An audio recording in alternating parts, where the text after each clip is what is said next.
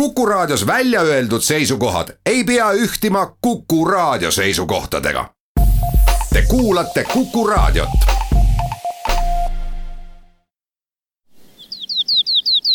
läbi Eesti. rändureid varustab Makasport tere päevast, head raadiokuulajad! tänane saade Läbi Eesti räägib kunstiühingust Pallas, mis tähistab sellel aastal sajandat sünnipäeva ja Pallase kõrgemast kunstikoolist, mis saab sajaaastaseks järgmisel aastal. saatejuhiks on Liis Seljamaa tuhande üheksasaja kaheksateistkümnenda aasta talvel tuli kokku käputäis inimesi, kes otsustasid, et äh, meil on vaja teha üks kunstiühing ja asutati kunstiühing Pallas. kui asutamisel kirjutasid sellele otsusele alla nii-öelda kümme inimest, siis äh, on ikka räägitud, et üheteistkümnes oli Friedebert Tuglas, kes oma allkirja mingisugusel põhjusel linna ei pannud. kui kunstiühing Pallas taastati, kui palju seal inimesi juures oli? täna on kunstiühingu Pallas juhatuse esimees Enn Lillemets, kes ise küll kindlasti sellel taasasutamise koosviibimisel oli see asutamise üritus venis ju pikema aja peale. see ei olnud mitte üks õhtu ja üks konkreetne päev kalendris. ja nii oli siis ka tuhat üheksasada kaheksakümmend kaheksa. Neid koosolekuid oli terve rida. käidi koos siis kas Kivisilla galeriis Raekoja platsil või siis kunstimajas Vanemuise tänaval ja erinevas koosseisus. ja siis lõppeks jõuti kahekümne üheksandal augustil nii kaugele, et oli see esimene peakoosolek aga asutamise ajaks oleme märkinud viieteistkümnenda juuni. see oli siis üks selline otsustav koosolek, kui me otsustasime teha kirjad Tartu linnavalitsusele ja Eesti Kultuurifondile. ja alla on kirjutanud Alfred Kongo, Ain Kaalep, Loola Liivat, Kaja Kärner, Heldur Viires, Valve Janov, Ilmar Kruusamäe, Lembit Küüts, Andrus Kasemaa, Enn Lillemets, Leili Parhomenko ja Mati Karmin aastast tuhat üheksasada kaheksateist, kas oli mõte ka noh, niisugust Eesti asja ajada või? ma usun, et see ei olnud kohe mitte esikohal, see tuli loomuldase asja käigus. mis oli siis kunstiühingu Pallas esimene idee? mõttekaaslaste ühendamine ja mõte korraldada näitusi, harida kunstipublikut ja muidugi siis tekitada kool, kunstiharidus kitsamas mõttes. Tuleb meeles pidada, et raske aeg oli, sõda no,. sõjaolukord, nii et see andis kõigele sellele sügavust ja värvi, kogu sellele asjaajamisele. et sellest hoolimata leiti, et see on nii tähtis ja oluline. no me võime tänapäeval öelda ka noh, nii poeetiliselt, et selle otsusega võib-olla näidati ka, et sõjad on ajutised, aga kunst igavene. no tahaks nii mõelda mida nad kirjutasid siis sinna kaheksateistkümnendal aastal? seal oli lihtne, küllalt niisugune napisõnaline põhikiri, mis, millele alla kirjutati, eks ole punkt üks, ühingu eesmärk, igakülgne kujutava kunsti edendamine. punkt kaks, tegevuspõld on eestlaste hulgas Liivimaal, ühingu keskus on Tartu, eriosakondi võib rajada igal pool. punkt kolm, ühingul on juriidilise isiku õigused. ühing saab oma sissetulekut liikmemaksudest, annetustest, korjandustest, pärandustest ja ärilistest üritustest. punkt neli, uusi liikmeid võetakse vastu üheksa kümnendiku liikmete nõusolekul. hääled võib anda kirjalikult. punkt viis, ühing valib häälteenamusega peakoosolekul, mis peetakse iga tegevusaasta alguses, esimehe, kirjatoimetaja, laekahoidja ja revidendid. ja viimane, punkt kuus, varade likvideerimise ja edaspidise tarvitamise üle otsustab kolm neljandikku liikmetest. hääled võib anda kirjalikult järgmine põhikiri tuli juba õige varsti, tuhat üheksasada üheksateist, seoses sellega, et vahepeal oli tekkinud Eesti Vabariik. ja siis on juba hoopis pikem lugu. ja kolmas põhikiri on kolmekümnendatel, siis on, see on veel pikem. meil oli jah juttu Tuglasest, et mingisugustel põhjusel tema ei kirjutanud alla kahekümne esimesel jaanuaril tuhat üheksasada kaheksateist esimesele Kusingu Pallas põhikirjale. ja oluline oleks siiski kõik ka ära nimetada, need kümme, kes siis olid valmis ühel ajahetkel oma nime alla panema. Aleksander Tassa, kellest sai esimene juhataja, Konrad Mägi, Auguste Pärn, kes oli kõige noorem, tema oli Konrad Mäe õpilane, siis Alma Johanson Koskel, üks meie esimesi tarbekunstnikke, Johannes Einsild, ka suuresti unustatud kunstnik, siis Voldemar Kangropool, ka vähetuntud kunstnik, siis väga huvitav daam Clara Holst, kes oli seltskonnadaam ja kellel oli jõukas mees kelle kaudu ta siis toetas Pallase vaeseid poisse. siis Maria Reisik, juba siis oli meie naisliikumise tegelane ja ka Riigikogu liige, siis Mart Pukits, kunstnik, kes oli Peterburis õppinud, ja siis Aado Vabe. nii et ainult mõned on, keda me nimetatakse tavaliselt, Tassa, Mägi, Vabe, aga sel ajahetkel olid nad ju kõik olulised kus kogunesid need kunstiühing Pallase asutajad enamasti, kui nad seda mõtet üldse hakkasid mõtlema? no ega ei olnudki nii hirmus palju võimalusi, kui kellelgi oli suurem elamine endal. üks kindel koht oli küll, mis on teada, oli Raekoja platsil Tartus, oli Naisühingul oma peatuspaik ja asukoht. tuhat üheksasada kaheksateist suvel juba, kui Konrad Mägi sai endale Raekoja plats kaheksa ateljee nii sellise ateljee, kus ta ka elas, ateljee korter, kõige ülemise korruse peal. ja siis sai hakata seal koos käima, aga noh, selleks ajaks oli ühing juba olemas, aga siis kooli tekitamisega tuhat üheksasada üheksateist, siis juba on see väga seotud, see Konrad Mäe ateljee. nii et üks oli jah, siis see naisühing ja seal on siis võib-olla ka üks neid kaudseid põhjusi, miks olid naised nii olulisel kohal kunstiühingu vallas asutamise juures. ja Kus... siis muidugi Werneri kohvik, väga oluline paik, ta oli nii hea koha peal ka ühing hakkas kohe tegema ka seda, milleks ta oli kokku kutsutud, ehkki esimesel aastal juba korraldati mitu kunstinäitust ja nagu sa ütlesid, et siis kohe algatati seda kooli asutamise ja. mõtet ilmselge, et see ühing oleks varem tekkinud, kui ei oleks Esimene maailmasõda vahele tulnud. Nad mõtlesid neid asju juba noh, mingil moel Pariisis ja päris konkreetselt Ahvenamaal, kui nad sealt Euroopast nii-öelda tagasi tulid Eestisse. Tassa ja Starkov ja Douglas ja kunstiühing Pallas suutis juba oma esimese näituse korraldada kaheksateistkümnenda aasta kevadel Eesti Rahva Muuseumi ruumides Gildi tänaval. enamuses olid Tartu kunstnikud, kes osa võtsid sealt ühingu liikmetest, kunstiühingu Pallas liikmetest, näiteks Konrad Mägi, Aleksander Tass, Aado Vabe, Voldemar Kangropool, aga näiteks ka Alma Johanson Koskel. kutsuti ka väljaspoolt esinejaid ja siis esinesid veel näiteks Jaan Koort, ka Vanda Johanson ja noh, laadiliselt olid nad ka ju huvitavad ja erinevad. räägime siis Pallase koolist, et alguses oli selle õppetöö ka noh, ütleme nii stuudio põhimõttel, ütleme, et Konrad Mägi võttis oma stuudiosse ja Starkov võttis siis oma stuudiosse, ühes maaliti, teises tehti skulptuuri. asi oli isegi veel lihtsam ja keerulisem ühtlasi, sest kui tuhat üheksasada üheksateist sügisel kõigepealt kuulutati välja Pallase ateljeed avatakse. see põhiline eeskuju oli just needsamused Pariisi Vabaakadeemiad. kõigepealt jah, tõesti Mäe ateljee, aga siis ka Vabe ateljee ja Starkovi ateljee. Ja pärast veel toimus seal muutusi ja siis oli jah, kuni tuhat üheksasada kakskümmend neli, kui siis õnnestus asi registreerida siis kõrgemaks kunstikooliks vallas. ennem seda oli ta lihtsalt kunstikool vallas, liiguti küllalt vabalt ühest ateljeest teise. rangemaks läksidki siis asjad, kui tuli kõrgem kunstikool vallas ja kui Konrad Mägi arvas, et asi läheb kätte kooliks ja see ei olnud tema jaoks enam sugugi nii huvitav ega roosiline väljavaade.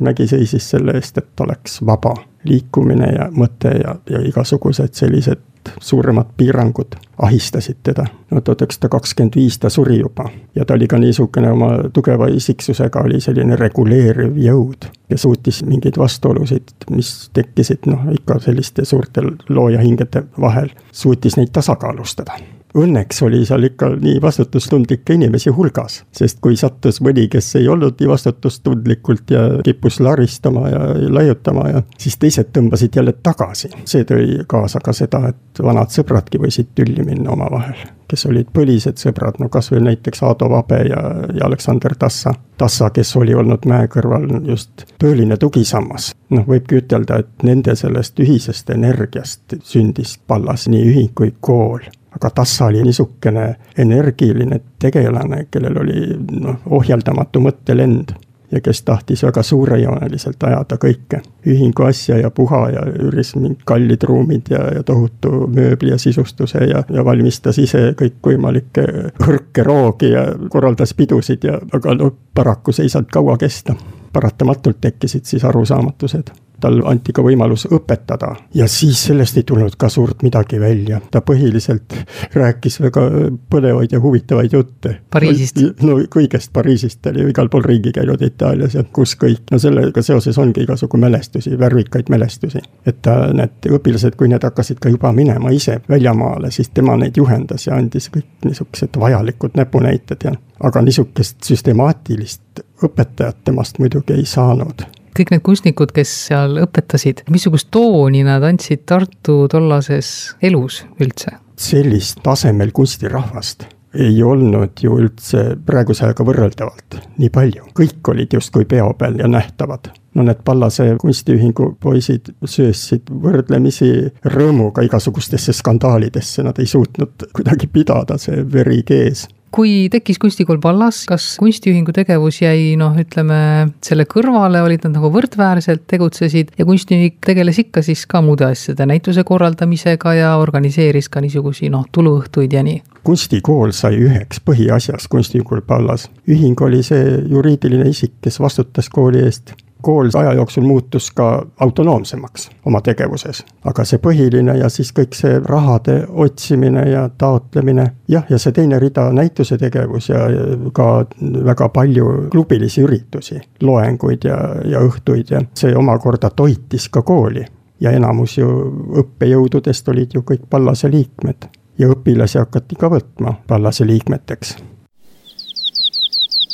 läbi Eesti rändureid varustab Makasport.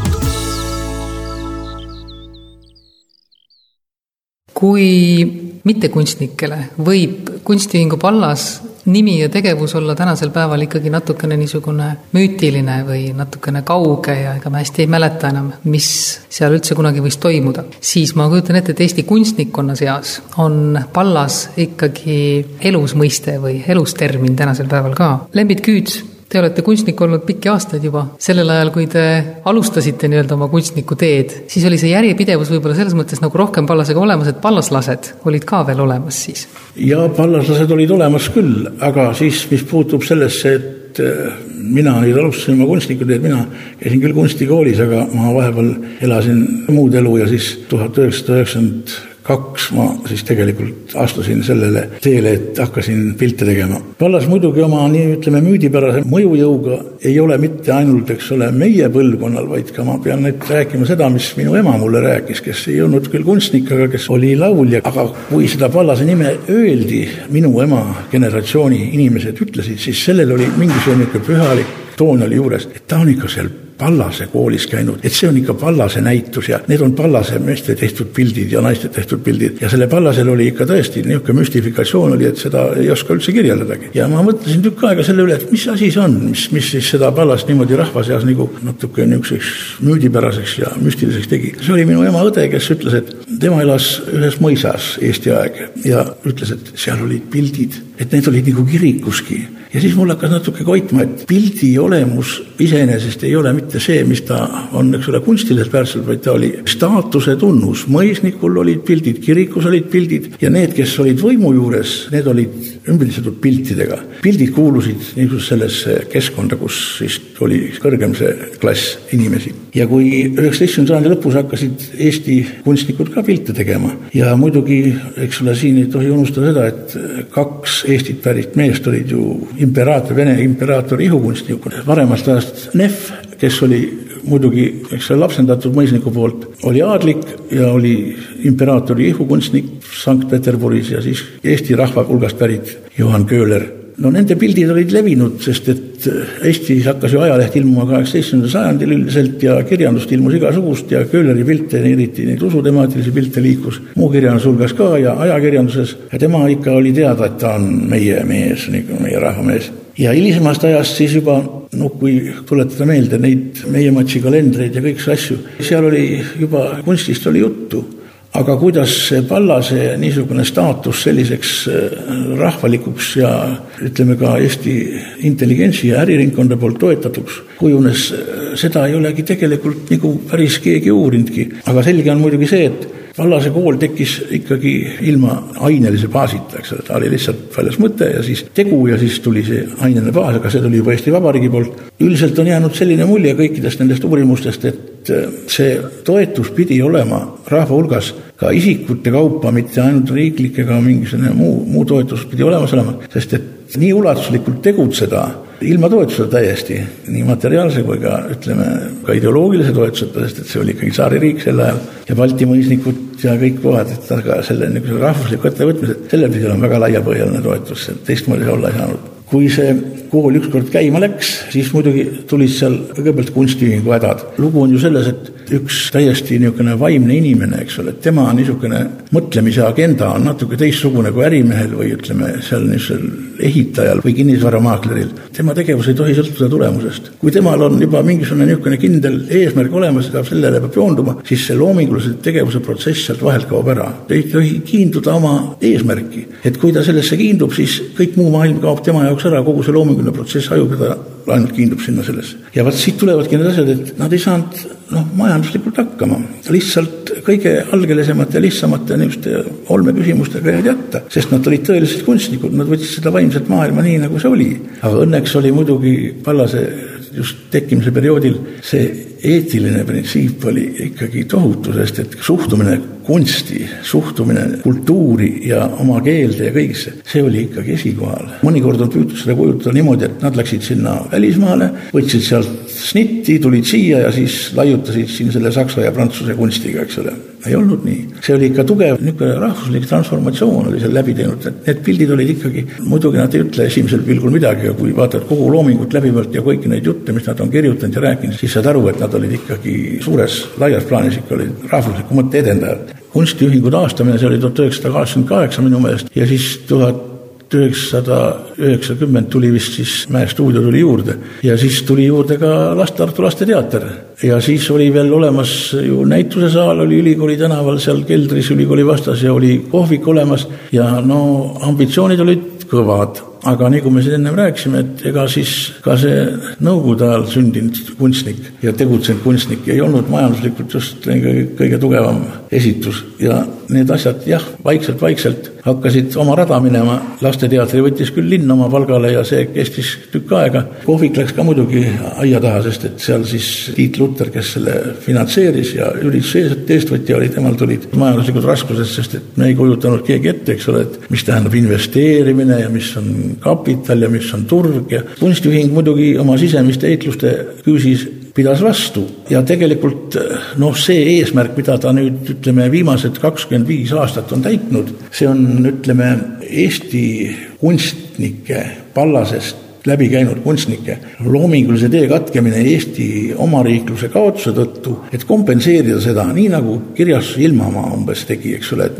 mõttelugu, et kompenseerida Eesti kirjanike, teadlaste, kultuuriintelligentsi, arstide ja kõikide tööd, mis läks kaduma selle riigi kaotusega, et nad pidid põgenema välismaale, mõned läksid vangi, mõned tapeti ära, aga see mõte, mis neist maha jäi, see sai ikkagi, ütleme, akumuleeritud siis kirjas Silmamaa selle mõtteloo sarjas. kunstiühing muidugi lõpuks jõudis oma niisuguse praeguse niisuguse tegevuseni välja, meil viimasel ajal on olnud tuge, Enn Kunil on aidanud meid aga ennem oli kõik oma raha eest. meil ei olnud ühtegi palgalist töötajat, postmargid ka klappisime oma taskupojast kokku, nii et ja me saime Kultuurikapitalilt toetusi, kui tuli mõni välismaa kunstnik, väliseestlane tuli või siin kohalik mees vallaslane tegi, aga see tähendas suurt tööd ja selle töö tegi kõik ära põhimõtteliselt Lillemets täiesti tasuta. korjas tööd kokku, lõi sidemed, pidas kirjavahetust, kirjutas juurde kõik, mis vaja oli. kui teda poleks olnud, siis ma võin sada protsenti ütelda, et see oleks jäänud tegemata täiesti, see, selle, no see on päris kindel. sest et kellelgi ei olnud põhimõtteliselt nii palju aega,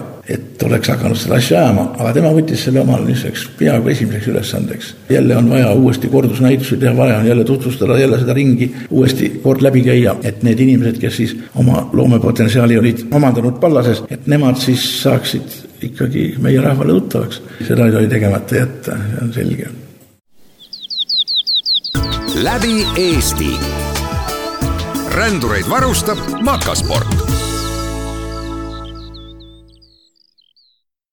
kui kunstiühing Pallas asutati tuhande üheksasaja kaheksateistkümnenda aasta jaanuaris, siis juba aasta hiljem asutas see kunstiühing ka Pallase kunstikooli ning viis aastat hiljem, tuhande üheksasaja kahekümne neljandal aastal hakkas see kool kandma siis kõrgema kunstikooli Pallas nime. vahepeal on olnud pikk periood, kui ei ole olnud niisugust kooli nagu Pallase kunstikool, aga selleks päevaks, kui saade eetrisse läheb, on Tartus jällegi kool nimega Kõrgem kunstikool Pallas. üsna pikk niisugune, kuidas ma ütlen, taotlemine, mis sellel Tartu Kunstikoolil või Tartu Kõrgemal Kunstikoolil on uue Eesti Vabariigi ajaga olnud, on nüüd lõpule jõudnud. rektor Vallo Nuust, no kui pikka võitlust sa ise isiklikult oled pidanud, sa oled juhtinud seda kooli päris pikka aega? jah, mina alustasin kahe tuhande viienda aasta esimesel jaanuaril. vahepeal tõsi, oli selline periood, kus me aktiivselt vallase nime taotlemisega ei tegelenud. sellega tegeldi vahetult enne kahe tuhandendat aastat, kui äh, kunstikool sai kõrgemaks õppeasutuseks. toona ilmselt jäi aega väheks, et algatada või läbi viia sellist laiemat äh, ühiskondlikku arutelu, ilmselt ka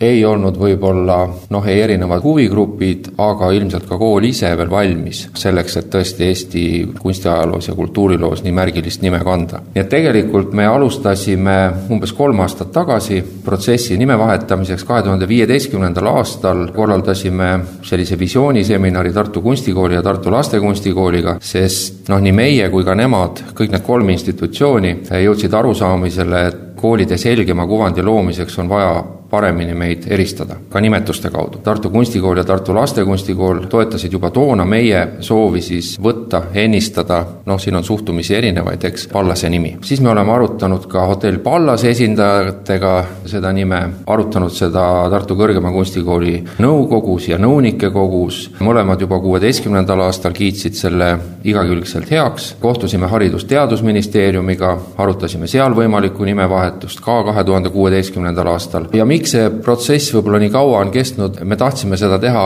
avalikult ja õigesti. mitte lihtsalt kuidagi võtta seda nime, vaid tõesti informeerida sellest kõiki erinevaid huvigruppe, kõiki, kes tunnevad mingit seotust Pallasega, Pallase traditsioonidega, selle nimega, ja sellepärast me korraldasimegi siis selle aasta veebruaris kunstihariduse konverentsi Pallas üheksakümmend üheksa ja kutsusimegi sinna kokku kõik Pallase pärandiga seotud osapooled. ja seal konverentsil esimeses pooles siis mina oma ettekandes tõin ka selgelt välja meie püüdluse ennistada kõrgkoolile siis Pallase nimi oleme saanud tõesti sellest alates väga palju toetust, meid on toetanud Eesti Kunstnike Liit, Tartu linn, Eesti Kunstiakadeemia on andnud oma sellise noh, kooskõlastuse või nõusoleku siis ja paljud teised institutsioonid. et miks võib-olla varem oli hästi palju diskussioone selle üle, kas Tartu Kõrgem Kunstikool võiks olla Kõrgem Kunstikool Pallas, oli see, et kas see kool täna on see, mis ta oli umbes sada aastat tagasi. vastus on loomulikult mitte. me ei saa olla see kool, mis ta oli noh, täna üheksakümmend üheksa, järgmisel aastal sada aastat tagasi. ta on lihtsalt teistsugune, ajad on teistsugused. ega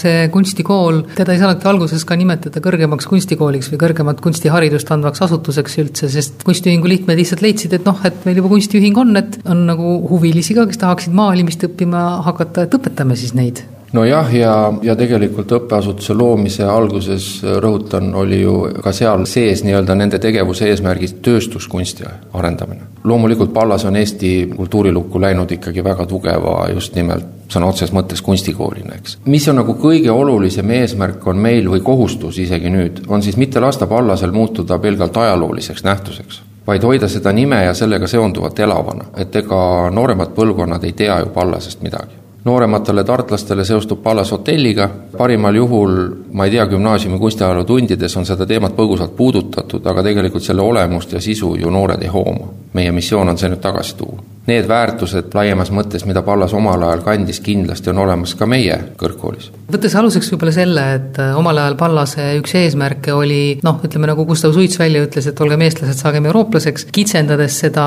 nii-öelda kunstivaldkonda, siis ikkagi nähti, et need, kes seal õpivad, et need oleksid väga laialdaste teadmistega üldse selles osas, mida maalikunstis äh, või kunstis üldse toimub, eelkõige Euroopa riikides siis. selles osas on noh, võib-olla tänapäeval natukene lihtsam, et on lihtsam minna kusagile kusagile ja hakata nagu õppima. võib-olla sellepärast, et see oli nii raske, siis see niisugune Pariisi pääsemine ja Pariisi elu, kus Eesti kunstnikud näib meile siin nüüd täna, et andsid vahepeal ikka päris kõvasti tooni, oli niisugune nagu paleus või et selle poole nagu püüeldi ja see oli kunstnike unelm. eks täna muidugi ka kunstnikud heal meelel lähevad Pariisi, aga see ei ole ka see Pariis enam, mis sada aastat tagasi. no ma selle aasta mais või aprillis käisin üliõpilasesindusega Pariisis, Pallase radadel ja me oleme käinud Veneetsia biennaalil üliõpilastega, meie üliõpilased näiteks Erasmuse vahetusprogrammis on Eestis ühed aktiivsemad. rahvusvaheline suhtlus meie kõrgkoolis on tõesti väga elav meil on välisüliõpilasi iga aasta, meie tudengid käivad välismaal. niisugust vaese kunstniku elu, nagu eestlased Pariisis omal ajal said elada seal, niisugust vist need tänapäeva tudengid enam ei ela? noh, eks ka tänapäeva kunstnik on ikkagi võib-olla natukene rohkem boheem kui ma ei tea, matemaatik või meditsiinitudeng, et väga paljud meie üliõpilased elavad sealsamas meie kõrgkooli ümbruses Karlovas üürikorterites, ma arvan, et selline neli aastat, mis nad veedavad Tartus ja meie kõrgkoolis õppides, noh, sama oluline kui see, mida nad saavad koolist, on see, mida nad saavad väljaspool kooli või, või oma vabal ajal või oma heas mõttes kommuunides elades rääkides veel erinevustest, mis on täna sada aastat tagasi, siis kooli juures kaks väga suurt erinevust, esiteks tegemist oli erakooliga ja teiseks sel ajal teist sellist üldse Eestis ei olnudki. nojah, täna on loomulikult Tallinnas on ju Eesti Kunstiakadeemia ja me ei ole erakool, vaid me oleme riigikool, aga õpetamine, ma ei tea, hariduse andmine, õppekavade mingi tegemine, ega siin ei ole vahet kas see on erakool, riigikool, avalik-õiguslik ülikool, eesmärk on ju kõigil tegelikult üks, eks. Anda head kunstiharidust. no just, üllatavalt palju paralleele saja aasta taguse ajaga tegelikult võime leida ka tänapäeval ja vallast erakoolina eeskätt mis probleemid olid, oli rahastamine, kuidas seda kooli üleval pidada, kuidas saada riigilt raha või kuidas teha riigile selgeks, et Pallase kunstikool on vajalik Tartus käis tollal kahe Tartu muusikakooli ühendamine, et oleks vähem ühelaadseid õppeasutusi, siis näiteks kolmekümne esimese aasta veebruaris oli selline deklaratsioon valitsuselt haridus- ja kultuurielu korraldamine riigi majandusliku kandevõimu kohaselt. ja selles deklaratsioonis oli lause, kokkuhoiu sihist tuleb lõplikult kindlaks teha, kui palju ja missuguseid kunstiõppeasutusi tuleb riigi toetusel üleval pidada no siin meenub ju kohe mõni aeg tagasi üsna palju poleemikat tekitanud niinimetatud Oki raport, kus nähti ka ette idee kohaselt, et Eestis võiks olla neli ülikooli, eks. aga siinkohal ka sina tsiteerisid enne Tuglast, siis tuhat üheksasada üheksateist Tuglas on öelnud järgmise mõtte, kui riik tahab olla rahvas peituvate aineliste ja vaimliste jõudude organiseeritud avaldus, siis peab ta muude kultuuriliste ülesannete keskel ka kunstielu võimalikult elavat edenemist tahtma. See on ta enese olemasolu ja rahvusvahelise rahvusvahelisele seisukohale niisama tähtis, kui ta edenenud põllumajandus, elav kaubandus ja hää sõjavägi. sellepärast on riigi seisukohalt tähtis, et hääde põllutöökoolide kõrval oleksid ka hääd kunstiakadeemiad, konservatooriumid, teatrikoolid. ma leian, et Eestil ei ole sugugi palju kaks kõrgemat kunstiõppeasutust, Eesti Kunstiakadeemia ja Kõrgem Kunstikool Pallas. Nad täiendavad väga kenasti teineteist no ütleme, selle Tartus antava kunstihariduse tähtsus, just nimelt selles koolis antava kunstihariduse tähtsus tõusis ilmselt ka peale seda, kui Tartu Ülikoolis enam maalimist ei õpetata. nojah, eks see oli ka kindlasti üks motivaator või kiirendi, miks me asusime nagu energiliselt seda Pallase nime taastama. ja see andis meile põhjuse, võimaluse uuendada, muuta, laiendada oma maali õppekava et kui varem meil äh, tõesti Mali osakonnas või Mali õppekaval oli kaks spetsialiseerumissuunda, konserveerimine, restaureerimine ja disain, siis juba mitu aastat meil ei ole seal enam disainisuunda, vaid on kunstide suund. me oleme suurendanud sinna vastuvõttu, me oleme hakanud palju rohkem tähelepanu pöörama tõesti klassikalisele maalile, joonistamisele, kõigile neile traditsioonilistele noh, baasoskustele, mis ühel maalikunstnikul peavad olema. selles ei kahtle küll keegi, et kui ei oleks kunstikooli Pallas üldse kunagi loodud, noh, võib-olla oleks tulnud selle asemele midagi muud, aga me teame, mis mõju Pallasel, nii sellel kunstiühingul kui ka kunstikoolil Eesti kultuurile üldse oli. väga palju head maalikunsti pärineb just nimelt sellest nii-öelda nagu Pallase kooli aegadest. ilma selleta oleks ikka Eesti kunstipilt väga palju vaesem selle väitega saab ainult nõus olla, loomulikult siin ei ole midagi vaielda. see on väga-väga rikas pärand, mille Pallas on Eestile jätnud ja siin ma tahaks öelda, et me väga hindame Kunstiühingu Pallas senist tööd, mis ta on teinud just selle pärandi säilitamisel, populariseerimisel, kõigi nende materjalide kogumisel, mis puudutavad kogu seda perioodi kui need omaaegsed pallaslased, nii tudengid kui ka õppejõud, andsid tooni nii ütleme, kohalikus Tartu elus kui ka kohalikus kunstielus, kas tänases Eestis oleks ka see oluline, et kui öelda parlaslane, et siis on mingisugune selline noh, nagu ühine, ühine nimetus või ühine selline joon, mis teid kõiki iseloomustaks? Tartu Kõrgema Kunstikooli vilistlased on äh, Eesti kunstielus tegelikult ju väga hästi ennast näidanud. kui me vaatame siin viimaste aastate olulisemaid kunstipreemiaid, siis seal on ridamisi meie vilistlasi on see siis Konrad Mäe preemia või Köhler Prize või Starkovi stipendium, Eesti Kultuurkapitali aastapreemiad, nii edasi, nii edasi. nüüd need, kes kolmandal septembril meie avaaktusel nii-öelda ametlikult uute üliõpilastena siis Pallase kooli perre võetakse ja need, kes siis järgmise aasta suvel lõpetavad, on juba pallaslased ja, ja võib-olla noh, ma ei tahaks öelda, et neil on nüüd suurem vastutus millegi poolest. et ega siis Tartu Kõrgema Kunstikooli lõpudiplom ei olnud millegi poolest halvem, kui on Kõrgema Kunstikooli Pallas lõpudiplom, eks. aga võib-olla kuidagi tunnetuslikult see, et sa oled nüüd pallaslane ja et see tegelikult on mingisuguse teekonna algus noh, nii koolil kui institutsioonil kui tegelikult ka inimestel, et võib-olla see siiski lisab mingisugust vastutust meile kõigile. järgmisel aastal saab sada aastat ka sellest kunstiühingu Pallase kunstikooli asutamisest. kas teil tuleb siis suur pidu või ootate veel viis aastat, kui siis nagu kõrgem kunstikool Pallas sajaaastaseks saab? Kindlasti järgmine aasta ma usun, et me korraldame taas ühe konverentsi, Pallas sada, ja kindlasti ka arvestame oma näituse tegevuses võib-olla selle tähisega. ma ei hakkaks siin ette tegema mingit pidude kalendrit, et millal ja kui suure peo me millisel aastal teeme. Pallas sada, tuhat üheksasada üheksateist, kaks tuhat üheksateist kindlasti väga oluline tähis, see tähendab tegelikult ju professionaalse kunstihariduse algust Eestis, eks Pallase kõrgkool, kaks tuhat kakskümmend neli kindlasti järgmine tähis. kaks tuhat kakskümmend tuleb meil Tartu Kõrgem Kunstikool või siis nüüd Pallas, kahekümnes aastapäev. noh, eks neid aastapäevi annab leida iga aasta. et lõpetada võiksime president Lennart Meri tsitaadiga, mille ta kirjutas kolmeteistkümnendal mail tuhat üheksasada üheksakümmend kuus Tartu Kunstikooli külaliste raamatusse. see kõlab nii, lahkusin Tartu Kunstikoolist tuhat üheksasada viiskümmend viis, et tagasi tulla Pallasesse ja tunda kaunite kunstide, täpsete teaduste ja rahvuslike aarete segunemist, mida eestlased on nimetanud Tartu vaimuks. läbi Eesti. rändureid varustab Makasport saate lõpetuseks räägin kunstiühing Pallas tänase juhi Enn Lillemetsaga Pallase lõpust ja uuest algusest kui saabusid neljakümnendad aastad ja uus sõda oli juba näha ja siis oli uus sõda juba kohal, mis kunstiühingu Pallas liikmetega siis juhtus? noh, kõigepealt muidugi see juba see neljakümnes aasta hakkas selekteerima inimesi, mõned, kes läksid uue võimuga kaasa, seal juba tekkisid need olukorrad, et justkui oli tarvis iseennast päästa ja oma elu. ja teine asi oli see, et ikkagi päästa ka siis meie kultuuri ja kunstiharidust kas või näiteks Saksa ajal need ponnistused, kuidas siis uuesti jälle saada see Pallase kool käima ja saada uuesti siis see nimi tagasi, mis ja isegi saadi siis üheks aastaks veel nelikümmend kolm, nelikümmend neli, see viimane talv oli jällegi kõrgem kunstikool Pallas. Need on isegi noh, ponnistused noh, milleks ja sellisel ajal ja praegu, kui mõtled, aga tões ja vaimus aeti asja seal oli siis Arnold Matteus ja Vabe ja Vardi ja, ja Starkov, kes siis põhiliselt veel saksa ajal seda asja ajasid. üks talv oli nelikümmend üks, nelikümmend kaks, kui siis Pallas oli hoopis kinni ja ka ühing korraks taastati, nelja, just see neljakümne kolmanda, neljakümne neljanda aasta talv. ja Juhan Pütsepp oli jällegi esimees, nii nagu ta oli ka kolmkümmend üheksa, nelikümmend viimane. aga noh, siis juba, kui tulid venelased, siis juba oli kõigil lõpp peal kõrgema kunstikooli Pallas asemele küll tehti siis see Tartu Riiklik Kunstiinstituut.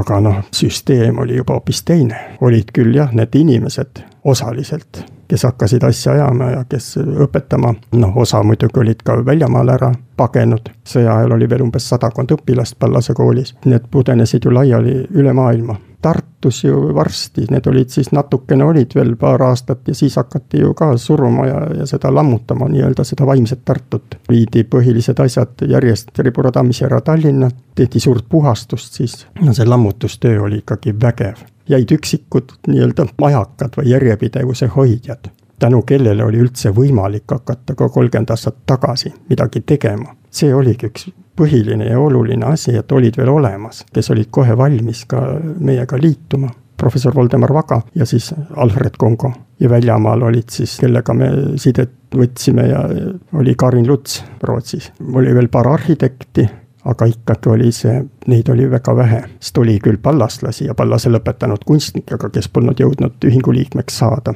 neid oli küll rohkem. Ja siis neid hilispallaslasi, kes olid siis kolmekümnendate lõpus ja sõja ajal olnud, Valve Janov ja Kaja Kärner ja mõned nendest ühinesid ka siis selle uue, nüüd kui me taastasime ja siis mitte kohe, vaid niiviisi aja jooksul. otsekohe tekkis ju küsimus ka, et Tartu Kunstiühing, kas me tuhat üheksasada kaheksakümmend kaheksa võtame ka Pallase nime või mitte põhikirjas oli meil kohe kirjas see, et me jätkame seda kindlalt just kunstniku vallas traditsioone ja seda mõtet, just et tegemist on mõttekaaslaste huviühendusega kui kunstiühing Pallas ja Pallase kunstikool ühes sellega pidi oma tegevuse lõpetama, mis siis kõik nendest noh, nii-öelda nagu asjadest sai või? see on üks segane lugu, need ikkagi pudenesid kõik laiali. lõppeks oli ju kõige olulisem, et kunstiühing Pallasel oli ju kunstikogu, see siis ikkagi suuremas osas kandus siis Eesti Rahva Muuseumi ja aga jah, üks olulisem asi, mida kunstiühing Pallas jõudis teha, ta pani aluse Tartu Kunstimuuseumi mõttele ja sisule. korjati kokku kunstikogu, paremaid asju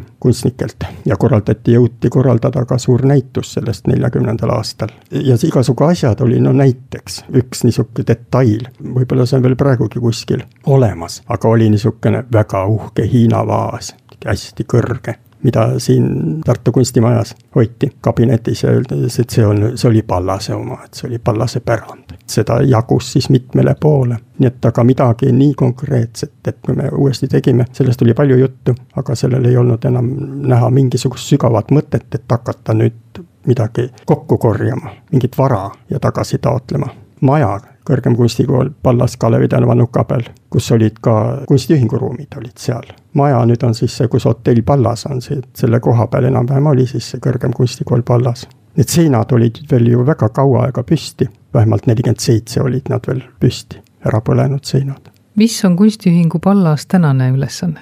see on üks paras konksuga küsimus sest nüüd on ju esimesest augustist on jälle Tartus olemas kõrgem kunstikool Pallas. Vallo Nuust ütleski, et nüüd me hoiame seda algatust ja nime nüüd jällegi elusana, millele pani aluse kunstiühing Pallas kunagi, andes talle siis tänapäevast sisu. sa olid aastaid vastu sellele, et nad selle nimi mitte saaks? mitte mina üksi, vaid kunstiühing Pallas tervikuna. ja mitte ainult kunstiühing Pallas, vaid isegi nende endi vilistlased, sest noh, ei ole sisu Pallas oli ju kõrgem kujutava kunstikool, esimene selline Eestis ja kaua aega ainukene.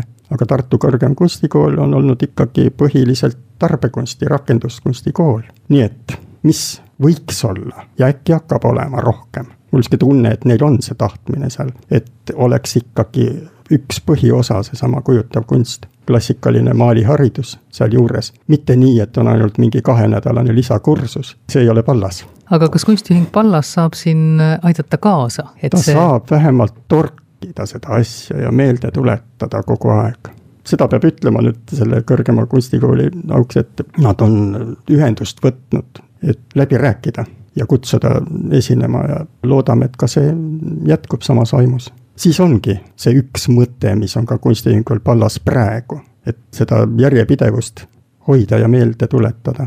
Aga no sinna juurde muidugi, mis sisustab seda meie väikse kunstniku Pallas tegevust, on, et iga aasta me teeme mõne näituse kuskil, mis on justkui kinnituseks siis, et ei oleks ainult sõnavaht see selle aasta näitus oli nüüd Adamson-Erika muuseumis ära. jaa, no õnneks oli aeg peaaegu pool aastat, küllalt väiksemahuline näitus, seitsekümmend kaks teost et sellega siduda ja kajastada siis tervet sadat aastat.